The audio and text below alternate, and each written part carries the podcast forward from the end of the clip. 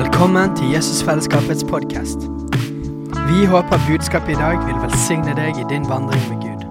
Og om du vil ha mer informasjon om menigheten, kan du gå inn på jesusfellesskapet.no.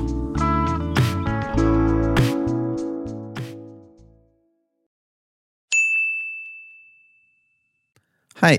Visste du at Jesusfellesskapet starter en ny bibelskole til høsten? Den heter Jesusskolen og starter den 3. september. Gå inn på jesusskolen.no for mer informasjon. Så det er jo veldig kjekt å ha blitt litt grann kjent med deg, Rune. Likeså. Og eh, så utrolig kjekt. For du er jo i byen anledning konserter med Kaizers orkester. Eh, Jeg var på første konserten i Bergen. Har vært en fan lenge. Du ble ikke skremt? Jeg ble ikke, jeg ble ikke Det er skremt. noe bønn fra helvete og sånn der. Ja, det, det er fantastisk stemning på de konsertene. Men eh, du eh, skal fortelle etter hvert litt grann om hvordan det ser ut med Guds rike i hverdagen og være i det bandet. Men først må få bli litt mer kjent med deg. Hvem er du egentlig? Og hvordan møtte du Jesus? Og La oss ta det litt først. Åh, herlig. For først er det veldig fint å være her. Eh, Jeg har blitt kjent med Steinar litt siste året. Både gjennom media og og møtt deg noen ganger. Og det har vært fantastisk å se hva som skjer gjennom dette fellesskapet her. Og Steinar og Katrine i, spissen. Ordentlig inspirerende. Så det er veldig takknemlig for å få lov til å være her i dag. Fantastisk å være her. Så jeg kommer fra ei lita bygd som heter Husnes. Jeg vet det er noen andre kvinnheringer i salen her i dag. Så eh, det er ikke så langt herifra. Oppvekst i bedehusmiljøet på Husnes. Kommer fra en eh, kristen heim og har hatt en fantastisk eh, fin eh, barndom der. Skal jeg dra liksom litt linjen? Det det med... Ja, bare fyr via Gucci, så bare Ok. Så, så um, når jeg eh, begynte å studere i slutten av tenårene, og sånt, så flytta jeg til Bergen. Og hele den eh, tenåringsfasen så opplever vel å gå lenger og lenger bort ifra den barnetrua jeg hadde fått fra bedehuset. Det var litt med, Jeg var veldig masse med ikke-kristne venner og begynte med musikk. og sånt, og Der var det få kristne i det, der som jeg var. Og, og når jeg kom til Bergen og begynte å studere, så, så kaller jeg meg kristen, men jeg kan ikke si jeg levde med Jesus i livet mitt. Og så begynte vi i 2001 å turnere med Keisers Orkester, og det tok jo helt av. Eh, og mm, det gjorde jo ikke den trosreisen bedre. Tvert imot. Eh, jeg ble dratt lenger og lenger unna den barnetro jeg hadde fra hjemme. Og så husker jeg eh, Det var et vendepunkt. Jeg fikk en, en kommentar fra han ene i bandet. Så sier han Rune, du er så kul kristen, for du er jo akkurat som oss. Og det er jo ikke et veldig godt vitnesbyrd for en som kaller seg kristen. Det var ment som et kompliment, men for meg så ble det akkurat som Gud snakker inn i livet mitt at nå er det på tide å våkne. Og det førte til at eh, jeg begynte å tenke på hva er det egentlig det å være, være en kristen. Hva betyr det? For jeg kaller meg kristen, men kan ikke si jeg har måtte, hatt en relasjon med Gud i mitt liv. Så jeg bestemte meg, jeg skal begynne å lese Bibelen. jeg skal finne ut av dette her. Og da fikk jeg en ordentlig sånn drive fra innsida til å, å ta fram Bibelen og lese.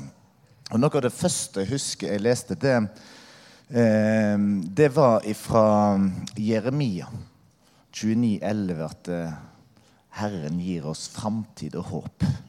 Og så leste jeg noen av salmene der det står at eh, Gud er en levende Gud. Og, og, og det gikk opp for meg faktisk den guden jeg har hørt om i bedehuset. Hvis det er en levende Gud, da har jeg lyst til å bli kjent med han. Så jeg, begynte, eh, jeg fortsatte å lese, og så begynte jeg å be til Gud. Hvis det stemmer at du finnes der ute, så, så må jeg jo få tak i deg. og så kom jeg videre i Bibelen og havna i, i um, Nytestamentet og evangeliene. Og så leste jeg om Jesus sitt budskap i forhold til det å være en disippel. Og det ble, det ble så tøft for meg, for at um, eh, det å følge Jesus, det har noen konsekvenser. Og Jesus var så radikal i budskapet sitt om å være villig til å gi opp sitt liv. Eh, eh, han er villig til å stå opp for ham. For den som, den som vil berge sitt liv, den skal miste det. Og, og jeg hadde jo levd mine, li, mine år der jeg berga mitt eget liv og var opptatt av meg sjøl og, og, hvem jeg var. Um, og opplevde bare virkelig at jeg ble ordentlig prøvd på det. Uh, at det må være en villighet til å gi sitt liv til Jesus. Og så kom det opp masse Jeg hadde jo gått med masse dårlig samvittighet disse årene. For det er noe når du har lært det fra barndommen, så har du fått inn noen verdier. Og de er vanskelig å bli kvitt, heldigvis. Eh, sånn at eh, De bibelske verdiene med det å være et medmenneske og det å leve et hellig og rent liv, det lå under der. Så det gjør at når du lever i kompromiss med det, så, så gjør det noe med deg på innsida. Det gjør noe med sjela di, det gjør noe med samvittigheten. Og jeg hadde masse dårlig samvittighet, for jeg levde et liv akkurat som de som ikke var frelst. Samme festbiten, samme måten å snakke på, samme måten å, å være på. At det handler om at jeg sjøl skulle skinne. Så jeg fikk ordentlig dårlig samvittighet. Og så leste jeg noen vers i Bibelen der det står om um, eh, Iallfall sånn som jeg tolker det, så er det hvis du har med vil, vil, viten og villighet valgt å synde mot Den hellige ånd, så fins det ingen vei tilbake. Og jeg tenkte wow, da er jeg ferdig. Så jeg var ordentlig sånn dette, Det har jo jeg vært. Jeg har jo kjent Den hellige ånd. Jeg har uh, vært i opprør. Så jeg fikk ordentlig sånn eh, eh, si, uro på innsida. For jeg tenkte at ja, nå begynner jeg å se at det fins en levende Gud. Men jeg har, jeg har bomma. Jeg har bomma ordentlig.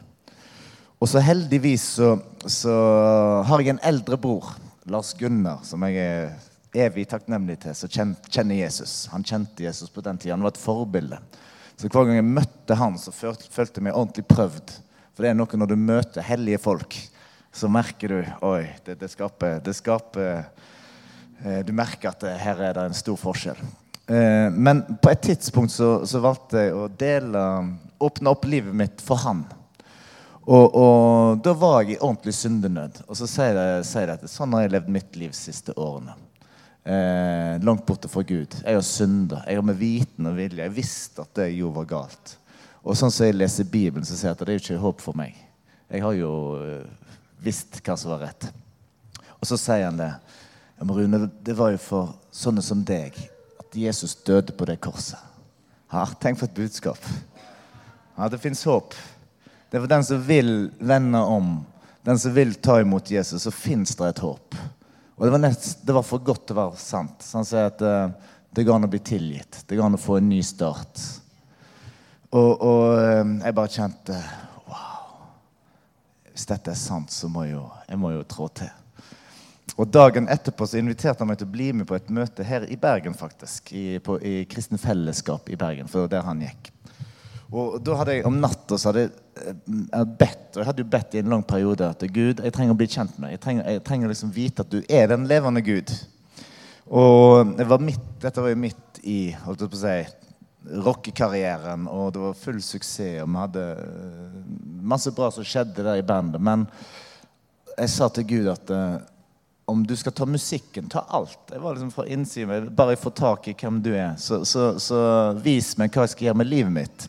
Og Jeg hadde jo fått så mange kristne som kom bort og sa hvordan kan du være et rockeband som synger om himmel og helvete og kaller deg kristen? Så jeg tenkte dette, eh, dette går jo ikke. Så jeg bare legger alt på hylla. Og, og, det var en ordentlig Sånn fra innsiden en lengsel. Så jeg kom på dette møtet, og det var det jo eh, sikkert, sikkert 500 stykker i denne salen. Og så han som, eh, som, talte da, det var jo Knut Osland, som du kjenner. Så den, på den tiden jobba jeg i Kristne Fellesskap. Han kjente meg igjen. Når var dette? her? Dette er mm, slutten av 2005. Eh, og i, i, på dette møtet så, så, så, peker han meg ut og sier det, det er du som spiller trommer i Kaisers Orkester. Jeg husker ikke navnet ditt, men jeg har noen ord til deg fra Gud. Og så tenkte jeg at det, det, det, er jeg veldig klar for. Og så tenkte jeg, nå, Han vet jo sikkert hvem jeg nå får jeg sikkert denne kjennepreken med å leve det sånn syndig rock'n'roll-liv og kalle meg kristen og sånn. Men det er jeg klar for. Så jeg gikk opp der, og så først han sier at eh, eh du har bedt til Gud. Du har bedt noen bønner til Gud. Eh, der du ønsker å bli kjent med den levende Gud. Eh, og du har bedt til Gud om hva du skal gjøre med livet ditt, og hva du skal gjøre med musikken. Og jeg opplever Herren har taler. Og så var taleren inn i livet mitt at eh, Gud har plassert deg i det bandet der, men du skal begynne å tjene Gud. Og, og, og så profeterte han om eh, veien videre, som, som, akkurat der og da var jo litt, litt stort. Det var mange ting der. Så. Men det jeg opplevde på den, eh, den scenen, var at uh, det skjedde noe på innsida. Eh, det kom fred. Og, det, og da, da, kjente jeg at eh, ble, dette må være det å bli frelst. Det må være å få den nye starten. At uh, byrdene ble lagt bort. Jeg kjente at nå, nå er jeg tilgitt. Det var helt rått. og jeg hadde lest noe om dåp. Jeg er jo barnedøpt i, i Den norske kirke, men hadde innsett at uh, det handler om tro. Så jeg hadde forstått det at uh, når jeg vel, nå velger å følge Jesus av hele mitt hjerte, så skal jeg la meg døpe som en, som en handling på det. Og få begravd det gamle livet. Så like etter møtet så, så, ble jeg døpt og ble fylt av Den hellige ånd. Og fikk, uh, fikk, en ny start. Så det var herlig. Mm.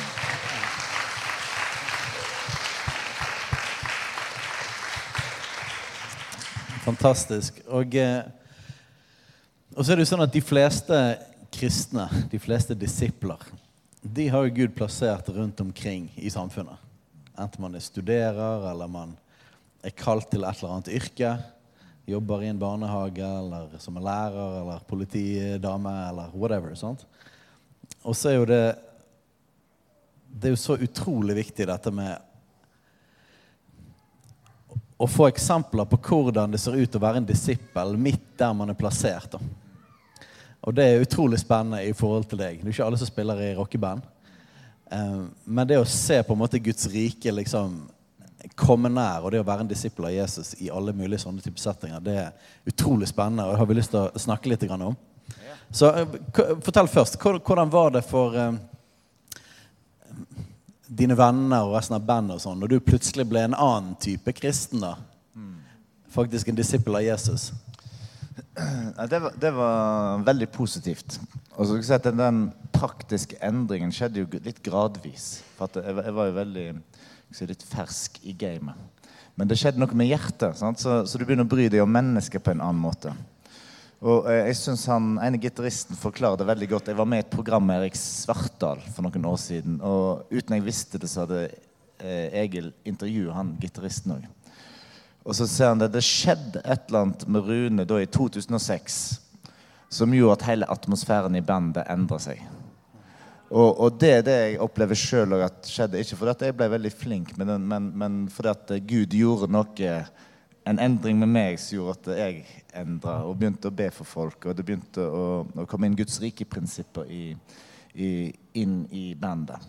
Og jeg husker det første som skjedde med meg når jeg møtte bandet etter denne dåpen, sånn, var at jeg fikk, fikk inderlig medkjensle med dem. Så du får et hjerte for dem. Jeg ønsker at de skal få oppleve Guds godhet. Men, men eh, eh, det var jo en reise. Og, og, kanskje jeg kan kommentere det, Steinar, i forhold til det å være en disippel. For at eh, eh, noe av det som jeg brenner for, og som jeg vet at dere brenner for, er å gjøre folk til disipler. Og, og det er jeg evig takknemlig for at jeg har hatt noen som har vært villig til å investere i meg. For at jeg kom jo ifra eh, veldig grunn bakgrunn og kjente lite til Bibelen. Jeg kjente lite til det, det, kristne livet. Så det starter jo når man blir frelst. Så Det er jo bare starten. Og du er jo et barn. Eh, og, og um, jeg, jeg, bodde i Oslo da òg og, og, tenkte at nå må jeg bare finne meg en menighet der det er litt trøkk. Og hadde hørt om eh, Philadelphia i Oslo. Eh, og der var jo folk de er jo karismatiske, var opp med hendene, og de talte i tunger. Det var veldig masse god undervisning. Fantastisk å være der i en periode. Men så opplevde jeg òg at for min egen vekst så trenger jeg noe mer. Jeg, treng, jeg, jeg, jeg er på møte noen søndager, men, men det, det, skjer ikke det som jeg leser om i Apostelens gjerninger. Eh, der, der, eh, der, du ser at disiplene ble utrusta til å gå ut. Så, men heldigvis da så, eh, så flytta da Knut og Elisabeth fra Bergen til Oslo og starta husmenigheter. Så meg og min kone eh, da ble kjent med dem. Og da var jeg og turnerte like masse som nå. Og så jeg var jo aldri i Oslo på søndagene, så jeg fikk i praksis aldri vært med i menighet. Men men eh, de sa 'kom til oss på mandag morgen', eller 'kom når du, du har tid'. Når har du mulighet? Så sa jeg jeg er hjemme ofte mandag og tirsdag. Kom og spis frokost eller lunsj. Og så spiste vi frokost og lunsj, og så, og så lærte de meg opp i Bibelen. Og så tenkte jeg at før jeg kan få gjort noe som helst, så må jeg ha to-tre år på en bibelskole hvert fall, for å få rensa opp greiene for å få inn noe, noe, kunnskap. Så jeg var litt, sånn, litt forsiktig til å begynne med. Så husker at han Knut sa at uh, Rune, du er allerede utrusta. Du, du, er frelst. Du har fått uh, Jesus, du har fått Den hellige ånd. Begynn, begynn, bare gi det du har. Det er starten. Og så fikk vi opplæring i grunnleggende ting i Bibelen. Han lærte å be. Jeg var ikke vant med å be høyt. Sant? Bare det å sitte sammen rundt uh, lunsjbordet og be sammen. Det var fantastisk. Og, og, ble lagt hendene på og lærte på en måte å begynne å operere i åndens gaver i større grad. og sånn. Så det, det, er en læring. Men så gikk jo ikke dette bare på Bibel og, og bønn, men det gikk jo på livet. Hvordan kan du være en god arbeider? Hvordan kan du bli en god mann? Far etter hvert. sant? Disippelgjøring handler om livet. Så jeg vil bare si det at hvor viktig det er og vært i mitt liv. Og tror, dette trenger vi i menighetene våre. Så bare løfte opp og, og, og få, få hjulpet hverandre inn i det som Gud har for oss. Ja, Det brenner jo alltid hjertet mitt når man snakker om disiplering. Det er så viktig, sant? for man kan samles, og man samles eh, i hjemmene, eller man samles i store bygninger, eller sånn som her på søndager, så vet vi at det er bare en bitte liten del av det å Jo, det kan ha noen funksjoner. Vi, vi, vi samles og tilber Gud sammen. Man mm. får høre Guds ord litt mer sånn kollektivt. Ok, Det er kjempebra. Mm. Men, eh, men, skal vi trenes til å bli disipler, så er det noe som skjer i hverdagen. Ja. Det, er noe, det, er noe, som skjer sammen med mennesker. En eller flere folk. Mm. Eh, og går den medvandringen Dere vet jeg, jeg, snakker jo ofte om det, men, men eh, folkens, dette er måten vi gjør disipler. Sant? Det ikke, handler ikke bare om en, en søndag formiddagsgreie, men det er på kjøkkenet på mandager. Det er å, å lære å be, det er å lære å, å kjenne Jesus. Og eh, Jesus sa 'gå ut i hele verden og gjør alle folkeslag til disipler'. Ja, det er fantastisk budskap. Ja, Vi skal trene disipler. Ja, vi skal, vi skal. Så det er bare nydelig å høre litt sånn hvordan, hvordan, de tok seg av deg da, og gikk den, den, vandringen med deg. Så Noe av det første vi lærte, var å gi videre det vi har fått. Så, så meg og Maria vi kom i begge, Kona mi heter Maria, og, og jeg, hun er fra kristen familie. Men hun, søsknene hennes var litt sånn som jeg var før eh, kristne, men du sa at de hadde ikke fått eh, gitt livet sitt til Jesus. Så meg og hun fikk ordentlig hjerte for hennes søsken. Og, og vi var jo ganske umodne, men vi, vi, gjorde det vi kunne. Så ene sommeren så inviterte vi alle. Vi, vi var på ferie sammen med dem ute på noen øyer ute forbi Porsgrunn og sånn. Og hver kveld der så forkynte vi Guds ord. Så var det veldig koselig. Så vi, vi har lyst til å bruke den tida til å være med og gi noe av det vi har fått. Så vi, vi underviste det som vi kaller grunnvollen bare tok gjennom eh, undervisning som jeg hadde fått, og leste opp og ba sammen og sånn. Den sommeren så ble tre av søsknene hennes frelst og døpt. Og, og eh, nå leder alle husmenigheter i forskjellige plasser. Wow, fantastisk. Så, så, så det var Guds nåde som bare brukte oss enkle folk eh, inn. Eh, men, men du, når du snakker om eh, det med bandet, så, så, kan jeg komme litt inn på det. For det er jo det som har vært si, min plass, arbeidsplass og misjonsmark nesten hele veien. Det har vært å være ute. Og jeg ble så rørt. Var det Svein du heter? Bare høre litt at du er ute. Det er fantastisk. Eh, og jeg snakket med Anders, sant? som må ha en brann for å være et vitne der en er. Og, og, og der det kjenner jeg òg. En brann for å være en disippel og kunne være et vitne der som Gud har plassert meg. Så, så når vi for fire år siden bestemte oss for å, å ta opp igjen Keisers Orkester, så, så, måtte jeg gå noen runder på ny en. Skal jeg det? For vi hadde en fantastisk reis før vi ga oss for ti år siden, og jeg opplevde at Guds rike verdier kom inn på mange områder. Vi kunne snakke så masse om så mange tegn og under vi opplevde inn i en sekulær verden. Men, men så har jeg hatt ti år der jeg har vært med å lede husmenigheter og, og jobbe litt med andre ting. Og så var det liksom Skal jeg gå tilbake til rock'n'roll, eller sette Gud meg i noe som er framoverlent? For det er det jeg vil. Så vi gikk jo runder med lederskap og alt som skal vi gjøre dette. Og jeg fikk bekreftelse at jeg jo gjør det. Så da fikk jeg tro for at eh, dette skal, når vi starter opp i høst, så skal det være en ny tid. Eh, og vi skal få oppleve mer av Guds rike inn i den kulturverden som jeg får lov til å være i. da. Så, så dette har vært en fantastisk høst. I går spilte vi konsert nummer 52 på siden september. Eh, og, og snart spilt for 80 000 mennesker. Og vi la planer for tre år siden som var utrolig store planer. Og eh, vi kunne liksom senest i går si at eh, Gud har latt planene våre lykkes til de grader. Og, og, eh, og det er ikke bare selvsagt, men, eh, men, eh, men tenk at eh, Guds nåde og Guds favør og Guds hånd er over et sånn type prosjekt. Og det er det. Så vi, vi, vi har opplevd eh, masse av Guds kraft denne høsten. Så kan vi ta noen, noen Ja, ta noen historier. For at du, Katrine, snakker om sykdom, blant annet. Og sant? Vi skal ikke ha sykdom blant oss. Og det er et av de feltene jeg har, har tro i og, og, og bedt masse om. For at eh, noe av det som kan felle planene våre denne høsten, er jo sykdom. Eh, og, og det har vi sett så masse rundt oss i hele høsten at eh, artister, familie, venner rundt oss De har måttet tatt fri fra jobb og sånn fordi at de har blitt syke, som er helt normalt. Du, vil du bare forklare litt sånn Jeg vet jo ikke hvor mange som kjenner Kaizers. Dere er dere er jo det største rockebandet i Norge eh, nå. Det er ingen som, eh, Du kan får sikkert ikke lov til å si sånne ting sjøl, men eh, Ja, du ingen- må si det. Ja, men, men det er ingen, det er jo ingen band som kan, som, som eh, kan selge ut konserter, sånn som Kaizers gjør nå. Og dere har var det, så hvor, mange, hvor mange er det i bandet? Seks stykk. 60 i bandet. Og så har dere ti stykker som er i et crew rundt. Ja. Som er helt de som jobber med dere. da Ja, Bare for å forstå litt sånn mekanikken bak. Ja, ja. Og det betyr jo det at hvis noen av disse folkene blir syke, Ja. og dere kjører konserter eh, Er det fem Nei, det er fra onsdag til Onsdag til onsdag, lørdag. Ja. Onsdag til lørdag. Først var dere i, eh, I Stavanger. i Stavanger først, og så I september, og så var vi i oktober i Oslo. ja. Og i november i Trondheim, og nå i desember så er vi i Bergen. Og skal spille til og med lille julaften. Ja. Så sårbarheten er det hvis, hvis noen i crewet eller i bandet blir syke. Ja, det, det, Eh, det er ille. det, så er det ganske ille, ja. Det er ille. Så, så, så det har vært et av områdene som vi har bedt om eh, at vi skal få bli fri fra. Og, og heldigvis er det en til i bandet som er kristen. Han som spiller orgel, Helge. Så vi får lov å være to. Og det er en enorm kraft i å være to. Og så har vi menighet rundt oss, og vi har mange kristne som ber for oss. Det, så så ut ifra det så er vi jo godt skodd. Men det er, jeg kjenner igjen det Svein snakker om, at det er en åndskamp. Fordi at den ene tingen er at du er blant folk som ikke tror. Og at må, du, det er så lett å bli farga. Så meg og Helge bestemte oss for at vi skal be hver bide i dag.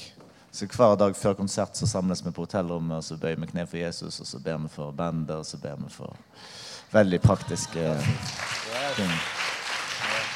Og eh, nå etter snart fire måneder ingen sykdom som har hindret oss.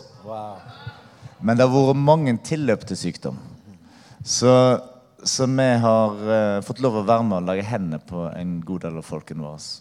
Som har uh, Det er ikke alle en føler frihet å kunne gjøre det med, men, men ganske mange som, som har tatt imot at vi kunne fått lagt hendene på dem, og de er blitt friske.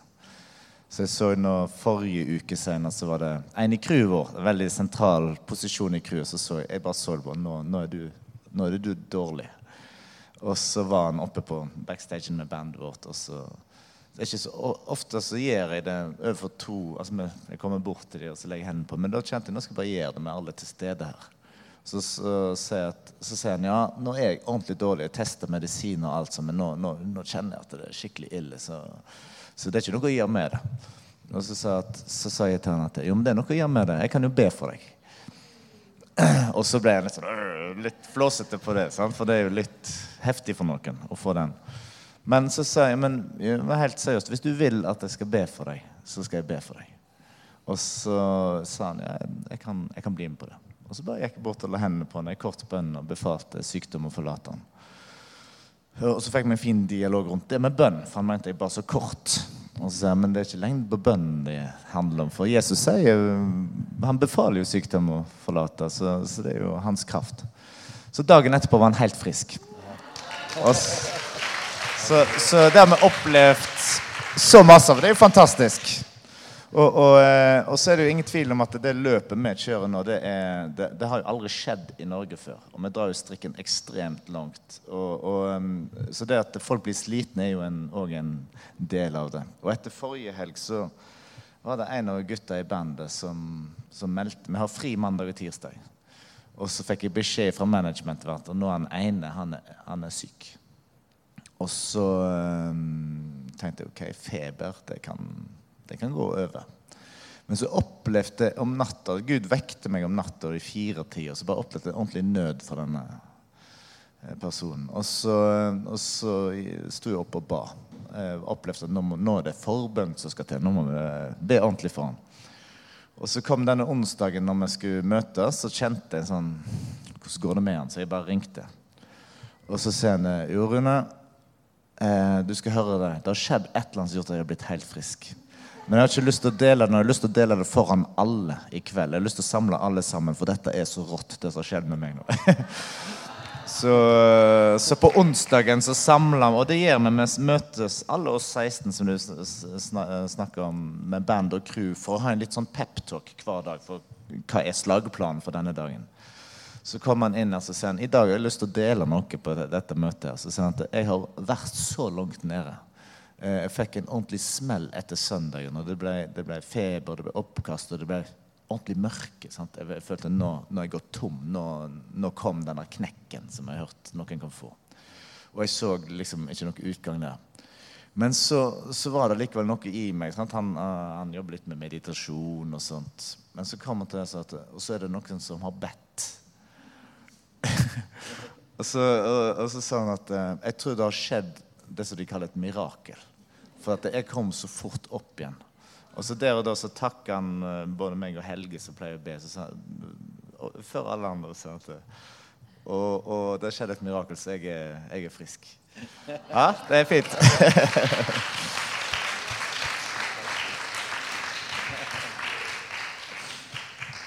Så det gir jo rom for å snakke om hvem Gud er. Eh, og, og vi har fått utrolig mange gode samtaler denne høsten med, med, med flere av de som reiser med.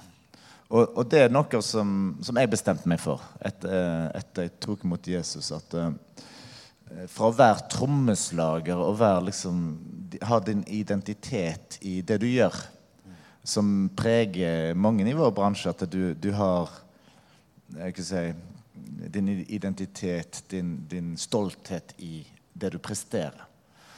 Så det hadde jeg òg. Men så, så opplevde jeg at Gud tok det fra meg. Jeg har min stolthet i hvem jeg er i Jesus. Og det er en utrolig frihet. Så jeg bestemte meg bare for at jeg skal bli han Jesus-fyren. Og det ble, det ble veldig praktisk for meg. Eh, for det, det, det betyr at hver gang jeg møter noen, så er mitt eh, Jeg har et ønske om at de skal få vite hvem jeg er. Og det har skjedd nå i høst, får vi fått en del nye folk med oss. Og da, da, da prøver jeg å skape noen anledninger, si at vi kan snakke om tro. Eh, Blant annet så flyr jeg eh, med noen av de nye. Vi tar sammen flight. Så tenker jeg at eh, en av de tingene jeg alltid gjør, er å ta opp en bibel på flyet. Eller når jeg reiser eller sitter på bussen. Og ikke da mobilen. Mobil, takk Gud for mobil, men, men det er noe med den boka. Når du tar opp den, så blir den synlig. Og det er ikke hvilken som helst bok. Det er et eller annet som folk legger merke til, om du vil eller ikke. så, så med han ene så, så eh, To av de nye vi har med oss. Så jeg syns det har vært litt vanskelig å få en inngang til. Jeg har prøvd noen ganger. Så, så bare ba jeg til Gud. Jeg vet ikke helt hvordan jeg skal få møte de til å få delt hvem jeg er og hva jeg tror på, men gi meg en anledning. Så på den ene flyturen så satt disse to rett bak meg. Jeg hadde håpet jeg skulle havne på sida av dem. Men så tenkte jeg jeg tar nå fram Bibelen uansett. Så tok jeg den fram. Og da var det ei eldre dame på over midtgangen på den sida. Så sa hun litt sånn høyt Har du med deg Bibel, du? Sitter og leser Bibelen. Og så ja, eh, det har jeg. Og så sa jeg ja, ja, hvorfor leser du den? da? Og så snakker hun hun snakker skikkelig høyt. Og så, så satt søstera hennes på, på sida av henne igjen. Og hun snakker enda høyere. Ja, Vi har jo lest litt Bibel opp igjen, og, og, og hva betyr den for deg, da? Det er et veldig godt spørsmål. Og da kunne jeg høyt tilbake si hva den har betydd for mitt liv. Og, og sånn. Og så sitter disse gutta bak, og så hører de på. Noen dager etterpå så fikk jeg lov å legge hendene på han ene og, og be for han, og, og han åpna opp livet sitt. og, og så, så, så Gud skaper noen anledninger for oss når vi, når vi vil. Jeg tror, faktisk, jeg tror det er en utrolig nøkkel, dette med å faktisk gi seg inn og lene seg inn i å være denne Jesus-fyren, eller Ja. Jesus-damen. Og på en måte på en måte ta den rollen. Jeg tror Noen ganger så har vi lyst til å gå litt under radaren, Ja. men jeg, jeg tror det er en veldig nøkkel. Ja. Og jeg tror folk ser på oss så mye mer enn Ja, de enn man tror. da Og legger merke til det. Så det. Så det er virkelig noe med å bare løfte det opp og så bare sånn der, eh, ta rollen av at ja, jeg er et lys og et salt. Mm. Og jeg er salt her. Men du spurte litt tidligere om, om liksom, hva, hva skjedde med bandet etter ble frelst. Ja. Eh, men, og det har jeg lyst til å si, for det med, med å være midt mellom, det var lunken og det var usynlig, det skaper en veldig usikkerhet. Og det skaper en veldig usikkerhet for de som ikke kjenner Jesus, for de lurer på hva du egentlig har fått når du ikke er tydelig. Og, og kan vi være stille om det vi har fått når vi virkelig har sett det? Så det ble utrolig mye bedre for meg og for deg når jeg ble tydelig på evangeliet. Og, og det, det satt et ordentlig skille, men det skapte òg en trygghet. Så jeg har en, jeg har en mye bedre relasjon opplever en helt annen integritet inn etter jeg ble tydelig. Og, og det setter jo noen skiller der du får noen, noe som stikker av og syns du har blitt crazy. ikke vil ha noe med deg å gjøre. Men, men det må vi tåle. Må, en del av de har kommet tilbake i ettertid, etter noen år, og sagt de har sett noe. Så, så, så, men tydelighet skaper trygghet. Og så går det an å finne en visdom òg, som det står i Bibelen, blant de ufrelste. Å finne en vei inn til hver enkelts hjerte. Og det er noe av det jeg ber til Gud om hver dag. Er det, er det noe jeg kan få sitte i enkeltpersoner, som jeg kan få lov til å være med og, og, og dele? Det, og det er en fantastisk spennende vei å gå. Det er jo sånn at eh, når vi kommer sammen som søsken, og vi løfter opp Gud, så er jo Gud midt iblant oss. Guds nærvær er iblant oss. Og det er jo noe av det å være Guds menighet, er at vi er et tempel. Vi er et tempel for Guds nærvær, for Guds herlighet. Og så er det jo fantastisk det at Gud har ikke Guds lengsel er jo ikke det at hans nærvær og hans rike kun skal være hos oss og blant oss når vi er sammen. Men at faktisk at hans rike At vi er representanter for hans rike. Vi tar med oss hans rike. Vi tar med oss hans nærvær midt ut der i, liksom, i verden. Og eh, du har fortalt noen historier om hvordan, hvordan eh, du har opplevd at folk forteller at det er en helt annen atmosfære. Både på konsertene deres og, og, rett, og de har gjerne ikke ord for hva dette er for noen ting. Men eh, jeg syns det var fantastiske sånne eksempler på hvordan Guds nærvær er med oss, og at Guds rike kan bli manifestert på en måte, i alle mulige slags settinger. Kunne ikke du sagt litt om det? Jo, eh, eh, det, det er så masse bra å kunne fortelle om det. Og det er litt rart òg, for det, og det er kanskje litt eh, Litt utfordrende for en del kristne med, med det vi holder på med. For at eh, det å være i en sånn plass som vi er, der må du òg Du må tåle en del. F.eks. noen av tekstlinjene som jeg eh, refererte til. Det, det, er masse greier der. Men, men, eh, men mitt, altså misjonen Jesus gitt meg, er jo å være et vitne inn der jeg er. Og få være med å bringe inn Guds rike. Og noe av det som jeg opplevde at eh, Gud minner meg på litt, altså tidlig i høst Vi fikk jo en helt enorm suksess når vi la dette comebacket. Det, det, det solgte ut, og det, var, det, var, det har fått en, et ordentlig løft.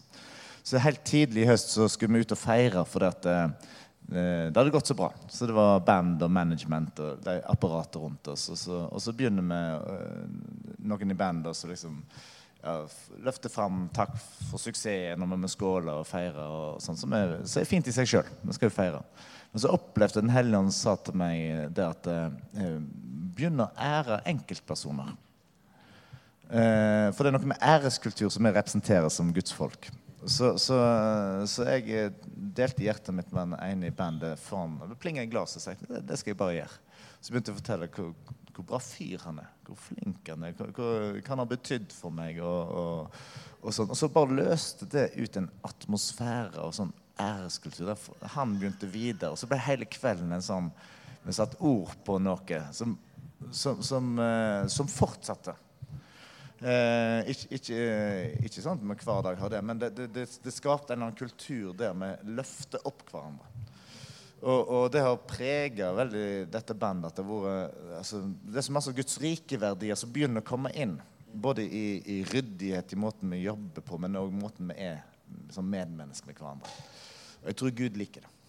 Altså Det tiltrekker jo Guds nerver. Det er jo Ja. det de gjør.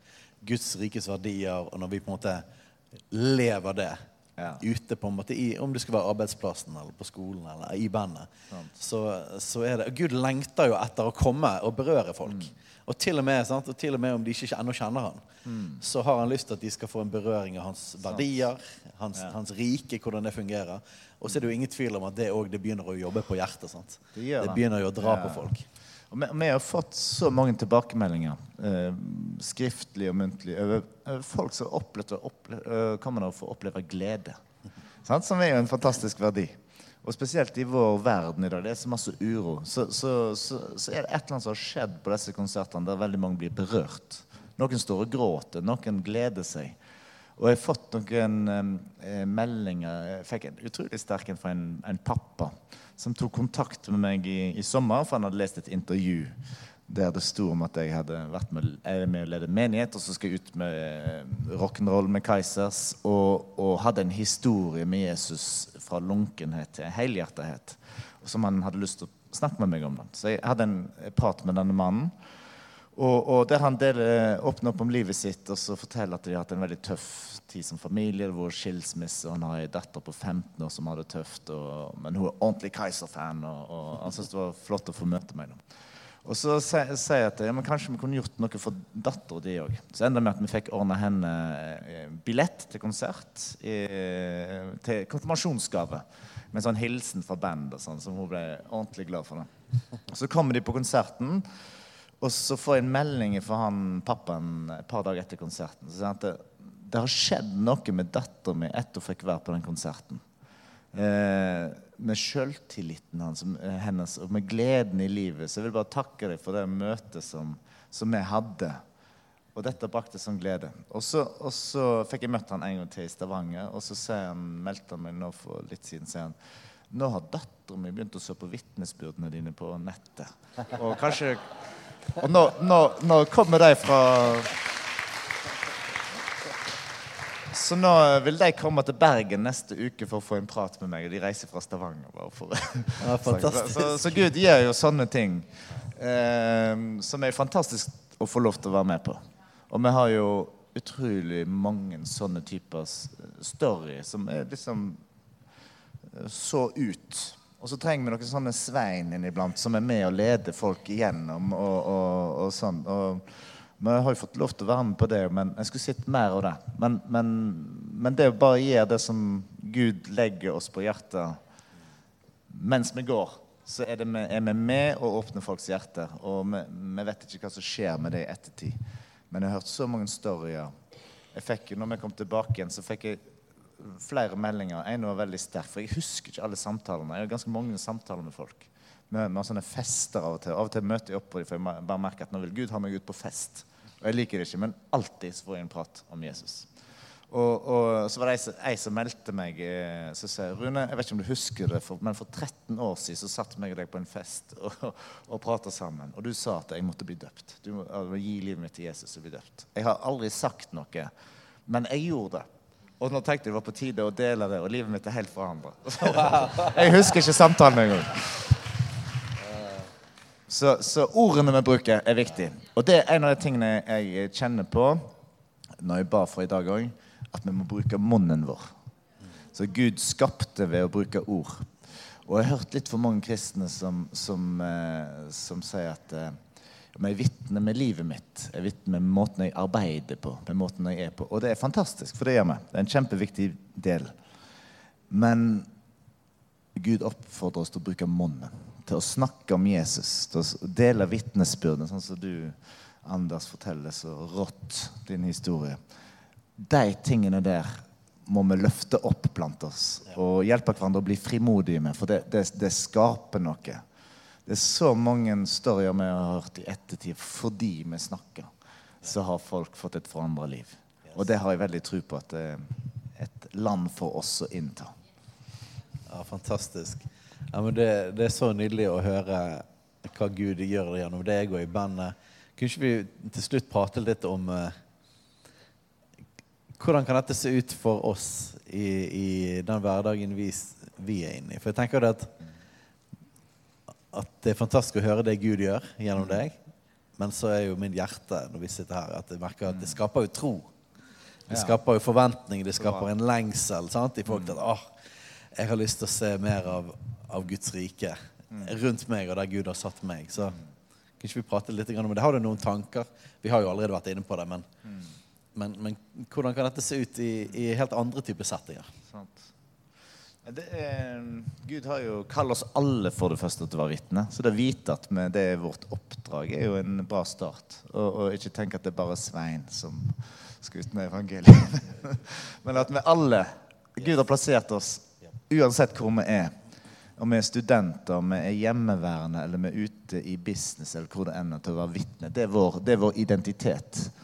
Og jeg tror nok det er noe der om å kle på oss den identiteten og tenke at det er det jeg gjør. At jeg er ikke, jeg er ikke mm, først og fremst en kristen når jeg er på de kristne settingene, men det er mitt liv 24 timer i døgnet. Og be, da løfter det fremfor Gud og sier hvordan skal det se ut for meg i dag? Eh, Så jeg jobbet noen år i business, og, og hvor, hvor det er litt sånn Altså terskelen for det å, å dra fram Bibelen og vitne sånn er, er litt høyere, da. Altså det, det fins jo kutymer for hvordan du skal oppføre deg, fant jeg ut. At, eh, men, men, men da ba jeg ordentlig til Gud. For det første ba for kollegaene da, eh, som gjorde noe. Og så, og så skapte det noen anledninger. Sånn eksempel den ene som jeg opplevde at Gud ga meg et hjerte for. Så, så fikk jeg en lunsj med han alene. Og da sa, jeg, da sa jeg til han at jeg kunne bare tenkt meg å dele noe fra hjertet mitt. liksom, som jeg er opptatt av. Og så enda med at jeg fikk dele vitnesbyrdet mitt, og så hadde jeg noen ord til han fra Gud, så jeg bare tok frimodigheten. tenker Jeg, jeg driter i om jeg er på arbeid. Jeg, han skal få høre det. Og så, og så ble jo det ordentlig sterkt for han. Eh, så det ga, det ga en anledning til å så noe inn. Og så, og så På denne arbeidsplassen, det var i et kontorlokale midt i Oslo sentrum, hvor det var mange bedrifter i dette lokalet. Men de hadde en sånn felles Facebook-gruppe hvor det var en sånn felles lunsjaktiviteter. Og det var alt ifra at noen hadde et lite foredrag, eller presenterte noe, eller det var 'kom sammen og spis'. og sånn. Så tenkte jeg at denne muligheten kan jeg kanskje bruke. Og så fikk jeg en idé en dag. det var at eh, Jeg drev da og jobba med hvordan kan jeg dele evangeliet på fem minutter. Eh, og ut ifra Johannes 3,16. Og så hadde vi øvd oss i vår menighet på et sånt diagram og sånt, for hvordan, framstille dette her. Nå. Så tenkte jeg at eh, jeg kanskje kan presentere dette her. Så jeg tok da en invitasjon på denne Facebook-gruppa og så sa at eh, jeg, jeg kunne tenkt meg å dele de vitt, det mest sentrale budskapet i Bibelen på fem minutter. Og så kunne jeg tenkt meg, for, for dette var en, eh, det var mange kommunikasjonsbedrifter der som sa at jeg kunne tenkt meg å få deres tilbakemelding på hvordan dette fungerer. Og så kom det folk fra ni forskjellige bedrifter. og, og så dro jeg gjennom dette Johannes 3.16-diagrammet, som jeg kaller det, men som får fram at det fins bare én vei til frelse, det er gjennom Jesus. Og det ble utrolig kult. Så jeg fikk noen konstruktive tilbakemeldinger på, på at det, det, det meste gikk på det som berørte hjertene. Han ene sa eh, at jeg er jo 35 år nå. Jeg har aldri skjønt Bibelens budskap før nå. Dette er første gang jeg får høre hva Bibelen handler om. Og så er jeg ikke enig i det, jeg skjønner det ikke, men, men, men sant? Så, så det gjorde noe med det. Og jeg fikk noen fantastiske samtaler, og, og det ble noen litt heftige samtaler òg. For, at, eh, for da ble ikke kristendommen bare det at det, det handler om tilgivelse, det handler om, eh, handler om at jeg skal få så masse. Det handler om at du må være villig til å gi livet ditt til Jesus. Og, og, og, og ta imot ham. Og du kan være så god du vil. Du kan være så flink du vil. Du kan, du, du kan ha, ha all slags religioner og filosofier og gode tanker. Men du kommer aldri til å bli frelst med mindre du tar imot Jesus. Det handler ikke om hvor god du er. Det handler bare om Du innser at du trenger, trenger han. Og det er et rått budskap, og det setter skillet. Eh, så, så eh, Det var en sånn anledning som jeg opplevde Gud ga, ga meg. Og så må vi finne våre veier, for vi er jo forskjellige òg. Eh, men jeg tror vi alle har Altså Gud har satt oss alle til å være vitne, og så, må, så fins det nåde eh, for oss alle til å kunne, kunne være det der vi er. Og det, det er jeg sikker på alle her finner hvis, hvis en vil. Og det er et fantastisk liv å leve når en får lov til å være med og se at eh, andre mennesker blir forvandla. Eller iallfall får muligheten til å bli forvandla. For jeg har hatt så utrolig mange samtaler jeg bare følt dette førte til ingenting. Nå var det stengt vegg, eller jeg dumma meg ut, jeg var for frimodig, eller jeg var for vag, eller hva det enn skulle være. Men samtidig så må vi holde på. Og utrolig hva Guds nåde gjør. For det er mange av de dummeste samtalene jeg har hatt, jeg har jo fått uh, helt fantastiske tilbakemeldinger. Folk som har blitt berørt. Så, så, vi vet jo aldri. Uh, men, men å, å, være frimodige fordi at dette handler om folks liv, det handler om evigheten Vi har en mulighet til å være med å gi, gi den muligheten til andre. Og det er et privilegium vi må ta. Ja, nydelig. Jeg, eh, en ting som har brent seg fast til meg, vår venn Arne Skagen har sagt det at uh, Jeg kan jo ta den historien, for jeg syns det, det, synes, jeg synes det sier mye. Det gir et god, god sånn her eh, pekepinn for livet vårt og hverdagen vår. Så han hadde en samtale med en nabo som han ba for, og ønsket jo å gi evangeliet til. Men han, så ringte han om noen sånn dugnadsgreier, og så var han sliten og lei og var liksom ikke i humør til å snakke med han. Og så så han, han, så han vært litt sånn knapp i den telefonsamtalen og bare liksom lagt på. Og når han la på, så sa Den hellige ånd til han, Nå ga du meg ingenting å jobbe med. Og det har bare brent seg fast i meg. Og så snakker Arne om dette her da med Gi Den hellige ånd noe å jobbe med. Og det handler jo mye om dette her med å gi ut et frø. Sant? Si et ord. sant? Åpne Bibelen der på flyet, liksom. Eller, altså, det, det, kan være på veldig mange forskjellige måter, men gi Den hellige ånd et eller annet. Og jeg ser for meg noen ganger litt sånn som et eh, At evangeliet noen ganger er litt sånn som en perle blir laget inni et, eh, en sånn her eh, skjell. At, at, det er et sånt sandkorn som kommer der, og det kan være litt sånn her irriterende. Mm. Å jobbe, jobbe og, og, Men så får det Når du får jobbet, så så driver du og vokser fram. Og, og så, så, gi liksom gi, Det er en sånn setning som bare, bare satt seg. La oss gi Den hellige ånd noe å jobbe med i folk, folk rundt oss. Et eller annet sånt yes. såkorn eller et litt sånn sandkorn som ligger og yes. kan på en god måte ved Guds godhet plage mennesker. da. eh, sant? For det at Gud kaller jo å dra på. Det kan være utfordrende. Men, men vi, vi, må gi ham noe å jobbe med. Oh, det, er så, det, er så, bra. Kan jeg dele en historie ja. i forhold til det? Men vi har jo av og til noen sånne uh, stunt. Eller folk som går ut jevnlig nå faktisk og deler evangeliet, sånn som hører Svein, og sikkert andre gjør. Og så fortalte nå uh, noen av vennene våre i DNA Oslo at uh, de hadde vært ute og delt evangeliet. Og så hadde de møtt på ei dame, ei litt eldre dame, og så hadde de spurt henne om hun var frelst. Og sa ja, vet du hva, jeg har akkurat tatt imot Jesus veldig nylig. Og så, så fantastisk. Hvordan skjedde det, da? Og du skal høre at For fem år siden så var det to unge menn som kom til meg i Brugatene på Grønland i Oslo. Det er de verste gatene der. Eh, jeg gikk bare tilfeldigvis der. Og så kommer de bort og så begynte de å dele evangeliet om Jesus. Jeg var helt sånn Dette har ikke jeg lyst til å høre på. Men allikevel, de, de, de, de fikk meg til å høre liksom et minutt da, om hvem Jesus var. Og så sa hun at det har virka i meg alle disse årene det, det, det, det, fikk, det ble jeg aldri fri fra. Og det, ble, det, kom så sterkt over meg at eh, for, nå for to uker siden så, så var det noen som på ny snakka til meg. Og da sa jeg nå må jeg bare gi livet mitt til Jesus. Wow. Og så spurte de litt mer nærmere hvem var disse gutta. Så fant de ut at det var to av de nyfrelste vi hadde i DNA, da, som var i Brugata jevnlig. Uh, og jeg, jeg, så delte vi den historien med deg, for at, uh, vi trenger noe oppmuntring av og til. For de delte evangeliet med mange, men sånn er det få som ble frelst. Men det er en sånn historie som bare viser at uh, Gud virker i det som blir sådd. Og takk Gud for alle som er ute og sår, for vi, vi, vi, har ikke kontroll på hva som skjer. Men, men mange blir frelst uten noen gang få vite om det. Så vår oppgave er ikke å se på resultatene først og fremst. Vi er jo kalla til å gi, å gi, og så ut, og så får Gud virke i det. Ja, fantastisk. Du, kunne ikke vi bare, kunne ikke vi bare bedt for oss alle? Jeg, den hellige ånd virker jo i oss, og vi hører historiene. Og jeg bare vet at alle her bare lengter etter Yes, vi har lyst til å, å se mer av Guds rike, så evangeliet til mennesker. Så bare, ta bare be for oss. Jesus, vi takker deg for du, du er her akkurat nå.